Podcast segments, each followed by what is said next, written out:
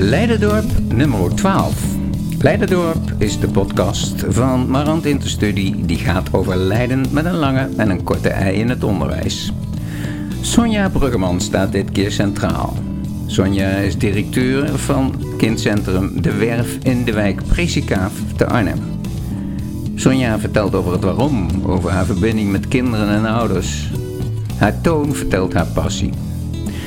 Deurtje open is ditmaal een gedicht van Harry Jansen, getiteld Juf, dat Sonja op het lijf geschreven is. Ook ditmaal begint het gesprek met de vraag: Sonja, wil je eens teruggaan naar een moment dat je het even niet meer wist? Teruggaan naar een moment dat ik het echt even niet meer wist. Ik denk dat het was toen ik ongeveer ehm, drie of vier maanden op kindcentrum De Werf uh, uh, directeur was. En ehm, dat ik erachter kwam dat mijn stijl van leiding geven uh, eigenlijk niet was waar het team op zat te wachten. Want ze wilden van mij graag weten wat we gingen doen en hoe we dat gingen doen.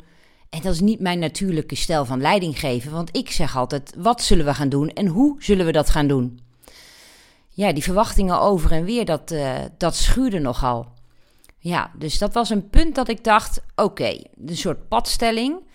Jullie willen eigenlijk van mij horen hoe en wat. Nou, die wat, dat vind ik dan nog niet zo spannend. Maar hoe zou ik toch samen gaan ontdekken en samen gaan bekijken? En ja, daar heb ik ook mijn team bij nodig. Dus toen merkte ik wel dat ik dacht: hmm, dit vind ik een beetje spannend. Jullie verwachten iets van mij en denken jullie nou dat ik het antwoord niet weet op jullie vragen? En moet ik me nou toch stiekem gaan verdiepen in het geven van antwoorden en zeggen hoe? Of is het ook oké dat ik zeg: Nou, wat ik vind is ook leuk, maar ik vind eigenlijk nog veel belangrijker wat jij vindt. Dus toen merkte ik wel: ga ik nu, ga ik nu mijn stijl loslaten om te laten zien dat ik het wel weet? Of ga ik dat niet doen en blijf ik bij mezelf en ga ik vertellen dat het niet zozeer gaat om het antwoord, maar meer over samen de vraag verkennen? En dat was wel even een moment dat ik dacht: ja, toen voelde ik hem wel even in mezelf. Dat ik dacht: ga ik mezelf nou bewijzen? Want zo voelde het een beetje. Moet ik mijzelf nu gaan bewijzen hier? Ja, dat merkte ik. Dus dat was een moment in mijn carrière dat ik dacht: ik ben eigenlijk al vanaf mijn zeventiende leidinggevende. Maar ja, dat bracht toch wel met zich mee dat ik, dat ik zelfs een beetje ging twijfelen aan mijn eigenheid in mijn leidinggevende zijn. Ja. Wat was de twijfel? Nou, toch wel dat stukje bewijzen van. Uh, ik, ik ben nou, hè, ik ben altijd mijn hele leven al leidinggevende geweest. Vanaf mijn zeventiende bij de graafschap, uh, betaald voetbal, floormanager geweest. grote groepen mensen geleid, altijd samen opgetrokken. Um, daarna bij Marant leidinggevende geweest. Ook met collega's altijd gespart. Ja, en dan ben je in één keer directeur van een school. En toen dacht ik in één keer, maar moet ik het nu zelf doen dan? Moet ik nu bepalen wat en hoe we gaan doen? En dat is gewoon niet hoe ik leiding geven zie. En ga ik dan toch die. Moet dat dan? Moet dat dan als je directeur bent? Hoort dat er dan bij als je directeur bent van een school? Moet dat dan? Of is dat gewoon niet zo? En mag je het ook gewoon met elkaar verkennen? En wat was je antwoord? Nou ja, mijn antwoord was dat ik heel blij ben dat ik het nu samen kan doen. Maar dat, dat duurde wel even voordat ik daar gekomen ben. Met mijn team ook. Um, en daarin moest ik dan toch wel een stukje van mezelf laten zien. En aangeven van. En heel kwetsbaar zijn. En zeggen van: luister, het is niet zozeer dat ik uh, niet weet hoe ik, het zou, hoe ik het zou doen. Maar ik vind het veel interessanter om samen te kijken hoe wij dat gaan doen ja, en op een gegeven moment voelde ik ook wel bij mijn collega's dat ze het ook wel fijn vonden dat ik, maar dat die vraag gewoon misschien een tijdje al niet meer gesteld was. Wat, wat vind jij zelf als leerkracht zijnde? En uh, ik zette eigenlijk mijn leerkrachten in de rol van adviesorgaan. Nou, wat zullen wij eens gaan doen? Wat, hè, welke ervaring neem jij mee? Wat neem ik mee? En hoe komen we samen tot een oplossing? En um, nou, dat was in het begin spannend. Uh, ook voor de, voor, voor de leerkracht in mijn team. Maar ook voor mezelf. Want ik had toch dat stukje bewijsdrang nog wel van... Hmm, zitten ze wel op mij dan als, als leidinggevende te wachten? Um, en dat heeft wel een paar maanden geduurd en toen vonden we elkaar wel. Ja. Je, je, je geeft zo'n... Eigenlijk gaat het over een, een, een verschil in inzicht in... In stijl. Ik denk wel een verschil in stijl. Ik neem een andere stijl mee van leidinggeven. Ja, en daar ben ik me wel van bewust. Uh, alleen als je altijd met mensen om je heen werkt die ongeveer dezelfde stijl hebben, dan, ja, dan ben je eigenlijk een beetje. Um, ja, dan is het je, je, zwarte vlek of je blinde vlek. Dat je niet meer door hebt dat, dat er ook heel veel andere soorten stijlen zijn, wat mensen dan gewend zijn. Beschrijf die stijlen, eh, Sonja. Nou, mijn stijl is denk ik dat ik. Um, uh, ik vind het belangrijk dat, dat we met elkaar uh, weten wat we aan het doen zijn, maar vooral waarom we dat aan het doen zijn. En niet zozeer hoe we dat gaan doen. Ik vind het heel belangrijk dat je weet wat is nou de bedoeling. Wat zijn wij met elkaar? Wat is nou ons uiteindelijke doel? En waarom doen wij dit dan? En dat vind ik heel belangrijk. En uh, dan zijn er meerdere wegen die naar Rome leiden. Als je met elkaar weet waar je naartoe wil gaan.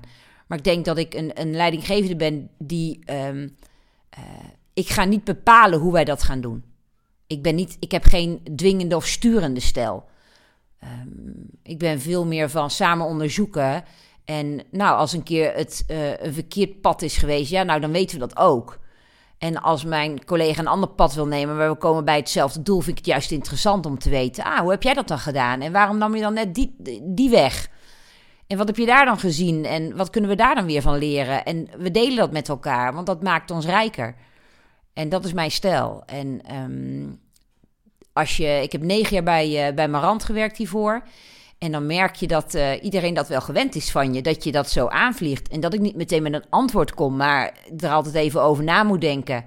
En dat het wel in mijn hoofd gaat en dat ik er wel wat van vind. Maar dat ik het ook heel belangrijk vind wat een ander ervan vindt. Want misschien wil ik dan nog wel wat ik vind bijstellen. En ik had nou heel erg het idee dat ik echt iets moest vinden en het moest onderbouwen. Zonder dat ik ja, dat heel graag wilde. Ja. Dat is interessant eigenlijk. Uh, ik ben aan het zoeken, wat is het verschil tussen dwingend zijn en direct zijn? Heb je daar een idee? Hmm. Ja, ik ben wel direct, ja. Ja, dat is dan wel weer zo. Maar ik vind niet dat we allemaal hetzelfde moeten, moeten denken. En ik ben ook niet dwingend in. Um, nou, misschien ben ik soms ook wel dwingend. Maar dan omdat we vanuit een bepaalde bedoeling of een bepaald. Ja, waarom aan het werk zijn met elkaar. Het komt steeds terug. Ja. Het waarom. Het waarom. Ik vind het waarom belangrijk. Ja, en ik vind ook dat ik een bepaald. Ik ben, uh, ik ben niet voor niks uh, uh, in het onderwijs weer teruggekomen. Want vroeger, toen ik klein was en iemand aan me vroeg: wat wil jij later worden, Sonja? Als jij later groot bent, wat wil je dan worden? Dan zei ik al: ik wil later juf worden en moeder. En toen ik uh, de Pabo aan het doen was, dacht ik: ja, ik vind het heel interessant, maar ik wil weten waarom kan dit kind niet zo leren lezen zoals de rest van zijn klasgenootjes? Of waarom laat dit kind continu dat andere gedrag zien dan de andere kinderen in de klas? Ik ben eigenlijk altijd op zoek geweest naar het waarom. En toen ik de Pabo aan het doen was, kreeg ik geen antwoord op de vraag waarom. Maar wel over hoe gaan we het dan doen?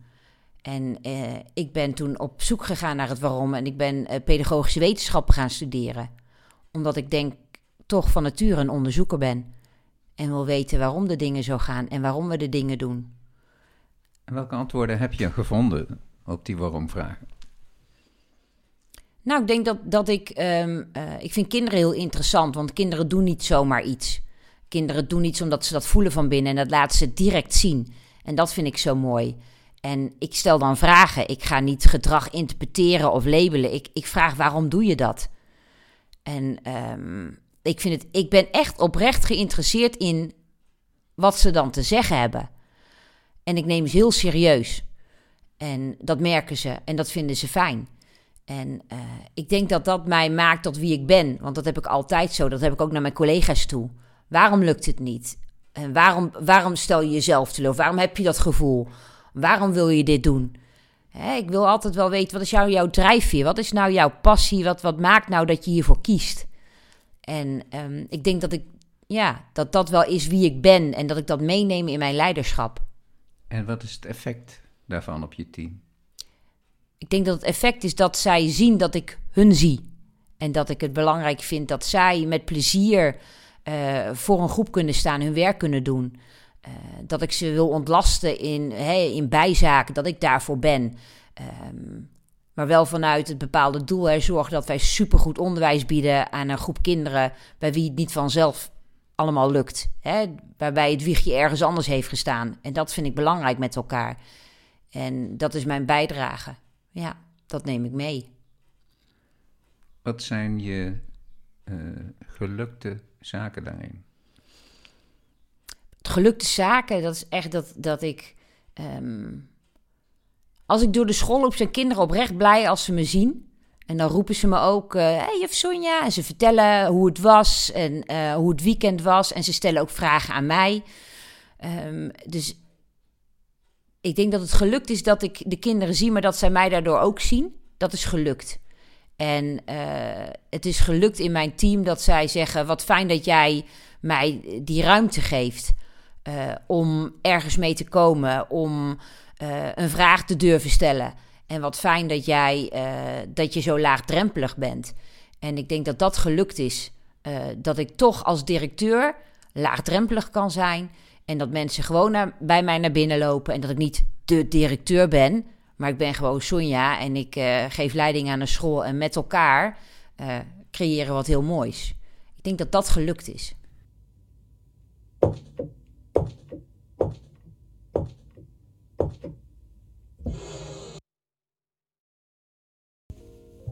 Juf. Mijn juffrouw sprak zo snel dat als ze enthousiast ging verhalen, de woorden elkaar in gingen halen. Dat wist juf zelf ook wel. Dan was ze o zo blij dat ze vertelde van het leven door zichzelf vooral te geven. Dat vuur, dat raakte mij. En achteraf zei juf geslepen dat ze het zo had bedoeld, dat je nu al hebt gevoeld wat je nog niet hebt begrepen. Heel veel later kreeg ik door dat door haar te zien en horen mijn motivatie werd geboren. Ze zei me: ga ervoor.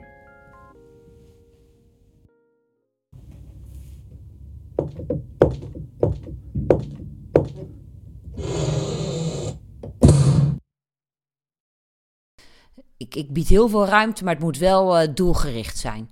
Het moet wel effect hebben, want zomaar iets doen om het doen, ja, daar ben ik dan ook weer niet van. Dat is dan toch die wetenschappen in mij. Het moet wel ergens toe leiden. En uh, als het nergens toe... Nou, dat is ook prima, maar dan moet je, er, dan moet je ermee stoppen. Ja. Dus uh, het houdt op met uh, als het ruimte om de ruimte is. Ja. Wat zegt de wetenschapper in jou die niet alleen maar vragen stelt? Nou, de wetenschapper in mij die zegt dat ik, doordat ik nu directeur ben Um, ik heb nu ook veel literatuur gelezen over leiderschap en over hoe doe je dat dan binnen het onderwijs en ook buiten het onderwijs. Ik heb me er wat meer weer in verdiept. Um, en um, ja, ik vind het fijn om, om te zien dat mijn stijl van leidinggeven, dat, dat hoort dan ook weer in een categorie. Ik ben motiverend en zo. Denk, ah kijk, past toch wel ergens in. Dat is ook wel fijn om te zien. Ik doe niet maar wat, maar ik val ook nog in een categorie. Is ook wel fijn. Ja, en, en dat, ja, ja, dat is natuurlijk wat. Ja, heb je dat niet allemaal dat je toch wel ergens iets ergens bij wil horen of zo? Ja, dat zie ik dan ook wel. Dus dan stop ik met vragen stellen en dan, dan ben ik gewoon wie ik ben en dan doe ik gewoon hoe ik het doe. En dan denk ik, ja, dat hoort bij mij en dat is prima. Eh, kun je, kun je woorden, woorden geven aan datgene wat jouw kracht is, naast hetgene wat je al verteld hebt rondom uh, de focus op waarom? Mm, ik ben uh, open. Ik ben uh, eerlijk. Ik ben ook direct. Ik ben enthousiast. En ik weet dat ik ook wel eens een training heb gevolgd dat iemand zei: nou, je moet oppassen dat je dan niet uh, de eigenschappen van een blije tuinkabouter hebt. Open, eerlijk, enthousiast. Maar dat is het niet. Maar ik ben wel ook altijd wel vrolijk en dat neem ik ook mee. Ja, ik hoop dat ik dat meeneem. Dat ik. Uh, ja, open, eerlijk, enthousiast. Ja, dat zijn wel woorden die mij kenmerken. Ik denk als je, als je aan iemand zou vragen, omschrijf Sonja, dat ze daar dan wel mee komen. Ja, en nieuwsgierig denk ik ook wel. Ik stel wel veel vragen. Ja. Ik doe denk ik ook wel eens domme dingen, dat ik achteraf denk, nou, dat was niet zo slim van mezelf. Noem eens. Mm, nou, we hebben die, die lockdown gehad en um, in die lockdown uh, boden wij als school... Uh, uh, noodopvang voor, voor kinderen. En de eerste lockdown was dat vrij makkelijk. Hadden we weinig ouders die daar gebruik van maakten. De tweede lockdown was lastiger, uh, want toen werd er ook vanuit de overheid een beroep gedaan op scholen met veel kwetsbare kinderen. Uh, om ervoor te zorgen dat uh, hè, als, thuis, als kinderen thuis door hun ouders niet goed begeleid zouden kunnen worden, dat je ze dan ook op school op zou vangen. Um, en daarin zijn we best ruimhartig geweest. Want er zitten heel veel kinderen bij ons op school waarvan de ouders de kinderen thuis heel veel liefde kunnen geven. Maar echt ondersteuning met het huiswerk, ja, dat is toch best lastig als je de taal niet goed beheerst of uh, niet weet hoe wij kinderen dingen aanleren. Um, nou, dus toen hebben de deur wel wat verder opengezet en zijn we wat ruimhartiger geweest met uh, onze noodopvang aanbieden. Totdat een beetje te ruimhartig werd en wij uh, 90 kinderen op school hadden. En dat het thuisonderwijs door de leerkrachten een beetje in het geding kwamen. Omdat wij zoveel leerkrachten nodig hadden voor die kinderen die bij ons op school in de noodopvang zaten. Toen dacht ik, ja, nu zijn we het doel denk ik voorbij aan het schieten of we moeten volledig open gaan en alle kinderen weer naar school nemen. Maar ja, met die Britse variant die er toen ook bij kwam in, in de kerstvakantie, ja, wil, wilden we dat ook gewoon niet. Ja, en heb ik dan achteraf spijt van het ruimhartig zijn geweest? Ja, ik moest ook wel ouders teleurstellen toen. En dan kon ik niet altijd heel goed beredeneren waarom het ene kind wel bij ons tijdens uh, de lockdown uh, gebruik kon maken van de noodopvang en het andere niet. Simpel van, zij vroegen het eerder.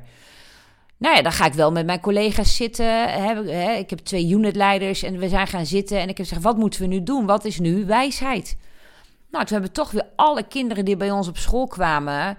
Uh, aan ouders een brief meegegeven van wat heeft u nu echt nodig? Heeft u echt drie dagen nodig? Zou twee dagen ook kunnen? Zijn de um, omstandigheden bij u thuis veranderd... waardoor u nu zelf uh, toch weer uh, de kinderen thuis kan begeleiden? Ja, dat dan ga je wel weer een ander, ja, dan ga je iets anders doen dan wat je deed. Uh, omdat um, ja, je het ook niet meer naar jezelf kan verantwoorden of naar ouders toe. Dus op dat moment, toen we dat besluit namen van we zijn ruimhartig, was dat prima, want we zouden twee weken dicht zijn. En dat was prima. We konden prima die 50 kinderen die we toen hadden kwijt. Maar de omstandigheden veranderden. En toen was het ineens niet meer zo'n wijs besluit dat wij ruimhartig waren geweest. Ja, dan baal ik ook wel een beetje. Dan denk ik, nou, nou moet ik mensen gaan teleurstellen. Nou moet ik kinderen die ik wel wil aannemen, daar heb ik geen ruimte voor. Nu moet ik even ja, voor een ander plan gaan. In een situatie waarin je nog nooit geweest bent. Zonder dat er plannen liggen die je in kan zetten, moet je weer even terug naar wat was nou ook weer het doel van die noodopvang. En hoe ben je dan? Nou, ik baal dan wel even. Ja, dan baal ik van mezelf. Um, en dan ben ik wel iemand, dan vraag ik wel om hulp. Dan ga ik wel naar collega's en dan zeg ik: jongens, nou zitten we met deze situatie. En nu? W wat moeten we doen? Want ik vind het ook een te grote verantwoordelijkheid om die alleen te pakken. Ik vind ook niet dat het hoeft. Ik heb genoeg wijze collega's om me heen die met mij mee kunnen denken. En ik vind het dan ook niet erg om dat aan te geven. Goh, ik heb dit verkeerd ingeschat. Ik, zag dit, ik had dit niet aanzien komen. Uh, wat kunnen we nu doen? En uh, ja, er is ook collega's inderdaad, het loopt een beetje uit de hand. Ja, dat klopt, het loopt een beetje uit de hand. Maar het is fijn dat we het zo gedaan hebben. Nou, fijn dat je dat zo ziet, maar we moeten nu weer iets anders gaan doen. Want uh, ja, wat we deden, dat werkt niet meer. Dat zorgt namelijk voor problemen. En dan gaan we het anders doen. Ja. Met het, het weten van nu, terugkijkend? Ja. Wat zeg je dan? Ja, dan denk ik. Nou, laat ik het zo zeggen. Ik heb een enquête er ook uitgedaan naar ouders. Hoe heeft u het uh, ervaren hoe wij uh, de noodopvang hebben aangeboden tijdens de lockdown? Gelukkig waren heel veel ouders heel tevreden. En er waren ook wat ouders die zeiden het was, niet, uh, het was niet eerlijk. En dat vind ik erg, want ik wil altijd wel eerlijk zijn. Maar ik vind het niet erg om dan weer te zeggen... nou, dat was niet zo slim hoe we het gedaan hadden. Dat moeten we een volgende keer anders doen. Maar dan baal ik er nog wel van. Wat is dat balen dan? Nou, omdat ik het graag goed doe en ik wil liever geen mensen teleurstellen. En als je dat dan wel doet, nou, dan baal ik ervan. Ja, ik vind het vervelend. Je vindt het vervelend? Ben je er ook verantwoordelijk voor? Ik ben er zeker verantwoordelijk voor. Ja, zo voel ik me wel. Ik voel me wel verantwoordelijk als directeur. Ja, zeker wel. Ook voor hoe mensen zich voelen dan? Nou, dat is wel... Uh, nou, ja, misschien dat dan wat minder. Dan moet ik, moet ik die verantwoordelijkheid afleggen aan die ouders? Nou, vind ik wel op dat moment. Ja, want ik ben een, hè, ik ben een voorziening, een onderwijsvoorziening waar zij gebruik van maken. En ik vind wel dat zij uh, mogen weten Ehm, op basis waarvan ik beslissingen heb genomen in die situatie. En uh, dat ik mezelf dan een beetje ga verdedigen, ja, dat is dan zo. Ik vind, het, ik, vind het, ik vind dat contact met die ouders, dat vind ik zo belangrijk. Um, ik sta ook altijd, uh, uh, eerder toen, we, toen er nog geen corona was, stond ik altijd binnen in de school. bij de trappen als de kinderen dan binnenkwamen. Goedemorgen, fijn dat je er bent. Maar ook aan ouders, goedemorgen. ik sta nu buiten, ook met de intern begeleiders en met unitleiders. Goedemorgen, fijn dat je er bent. Want dan ben ik laagdrempelig, ook voor ouders. En als er iets is, dan, dan zie je het aan iemands gezicht. Uh, dat zie ik bij kinderen aan het gezicht, maar dat zie ik ook bij ouders. Ik wil dat ze naar mij toe kunnen komen als er iets is. En zeggen, juf Sonja, um, dit en dit is er gebeurd. Of ik ben boos, of ik ben ontevreden, of ik heb een klacht. Dan wil ik dat ze zien dat ik daarvoor open sta. En dat ik ze serieus neem. En dat ik samen ga kijken, wat is er gebeurd en wat kunnen we doen.